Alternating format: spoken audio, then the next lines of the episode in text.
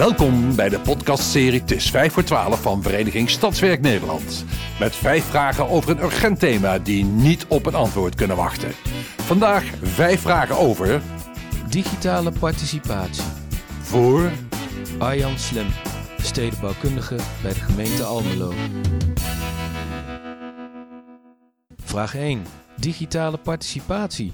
Is dat de goede oude bewonersbijeenkomst in een digitaal jasje? Digitale participatie is vergelijkbaar met de goede oude bewonersbijeenkomst, alleen dan met eigentijdse middelen. De digitale mogelijkheden zijn eigenlijk groter. Je kent eigenlijk geen beperkingen in de informatievoorziening. Alleen je moet wel oppassen dat het geen eenrichtingsverkeer wordt. Dat het alleen maar presenteren en zenden is. Het moet eigenlijk een interactief gebeuren is. Net als dat je in een bewonersbijeenkomst in gesprek gaat met de bewoners of met een bedrijf waarbij je het gesprek voert. En digitaal zijn natuurlijk de mogelijkheden groter. Je kan ook een soort interactiviteit uh, stimuleren door bijvoorbeeld stemmingen te peilen. Iedereen kan een, met een mobieltje stemmen uitbrengen op stellingen en dan kan je juist de discussie over de verschillen gaan voeren. Dus in die zin kan het wel een meerwaarde zijn om sneller en interactiever te kunnen werken dan bij een bewonersbijeenkomst. Bovendien heb je denk ik een groot bereikt doordat je meer mensen kunnen participeren dan er bijvoorbeeld mensen in een bewoners- of in een zaaltje kunnen. Vraag 2.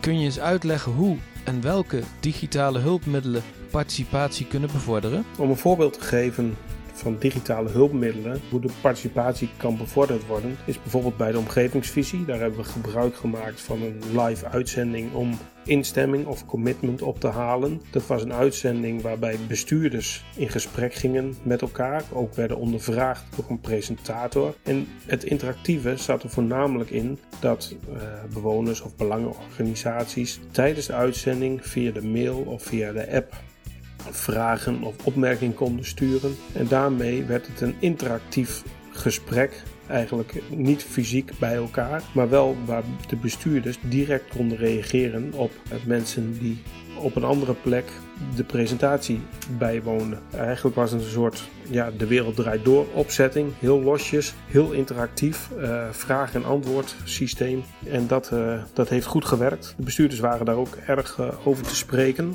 Daar heb je wel een team voor nodig die achter de schermen ook de vragen filtert, kanaliseert of bundelt. En die dan door een soort sidekick uh, aan de bestuurders, in dit geval wethouders, werden voorgelegd. Naast de live uitzending maken we vaker gebruik van digitale ondersteuning in de planvorming. Bijvoorbeeld van uh, 3D-visualisaties of uh, 3D-animaties. Bijvoorbeeld bij de planvorming van de binnenstad hebben we daar gebruik van gemaakt. Ook bij wijkontwikkelingsplannen is het handig om daar bij verschillende modellen op cruciale plekken gebruik te maken van 3D-scenario's om de verschillen juist inzichtelijk te maken. En daarbij is de digitale ondersteuning erg wenselijk.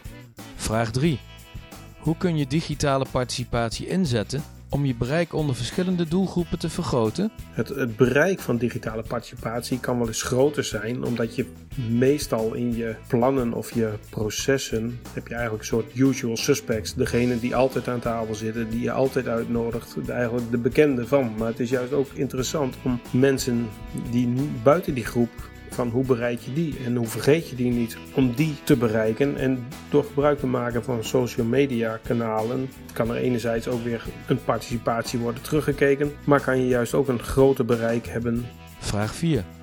Kan bij digitale participatie het initiatief ook meer van de inwoners uitgaan? Het initiatief kan ook zeker vanuit bewoners in, uh, uitgaan. Dat je ook beter weet wat er speelt. Juist ingaan op reacties of wat er in een wijk leeft of in een buurt wat, wat er speelt. Dus dat je veel meer hoort wat mensen bezighoudt in plaats van dat we dat van bovenaf vanuit bijvoorbeeld een gemeente opleggen en hopen dat wij het uh, goede hebben bedacht. Als gemeente gaan we zelf ook wel op sociale media. Eigenlijk de gebruikelijke Facebook en LinkedIn om berichten te delen. Daar zie je wel vaak uh, de reacties op komen, hoe men daar tegenaan kijkt. Uh, daarnaast hebben we ook een burgerpanel waarbij wel eens vragen worden gedropt om te kijken van hoe denkt men daarover. En dat is wel een representatieve groep van allerlei pluimage in de samenleving die daarover mee kan denken en hun reactie kan geven. Vraag 5. In welke projecten of processen in de openbare ruimte zal digitale participatie in de toekomst blijvend het verschil maken? De digitale participatie kan zeker in, in de toekomst een, blijvend verschil maken. Uh, omdat er zo met gebruik van, van digitale middelen veel meer uh, draagvlak en instemming opgehaald kan worden. Eigenlijk op een veel makkelijkere manier. En dan kan je ook peilen of je op de juiste koers zit met de plannen die je aanmaakt. En je kan het eventueel bijstellen naar aanleiding van alle geluiden die je tijdens zo'n digitale participatie hoort of tegenkomt. De inzet van digitale participatie werkt zowel uh, bij ontwerp als beheer. Uh, met name bij ontwerp om, om nieuwe ontwikkelingen te presenteren, maar ook kijken of mensen dat uh, zien zitten, daar input over op te halen en eventueel het plan ook te verbeteren. Dus dat kan je eigenlijk bijsturen. Maar net zo goed kan dat in de, in de beheersfase om te kijken van nou wat leeft er in de buurt, zijn er nog wensen. Hebben mensen, ja, waar eigenlijk steek je de thermometer in de wijk van hoe kijkt men, de huidige bewoners of gebruikers, hoe kijken die tegen hun wijk aan.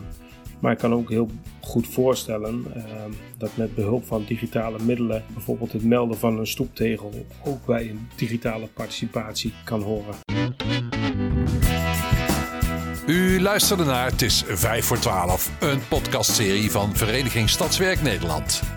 Heeft u zelf een urgent thema met vragen die niet op een antwoord kunnen wachten? Mail het dan naar info.stadswerk.nl onder vermelding van podcast. Dank voor het luisteren.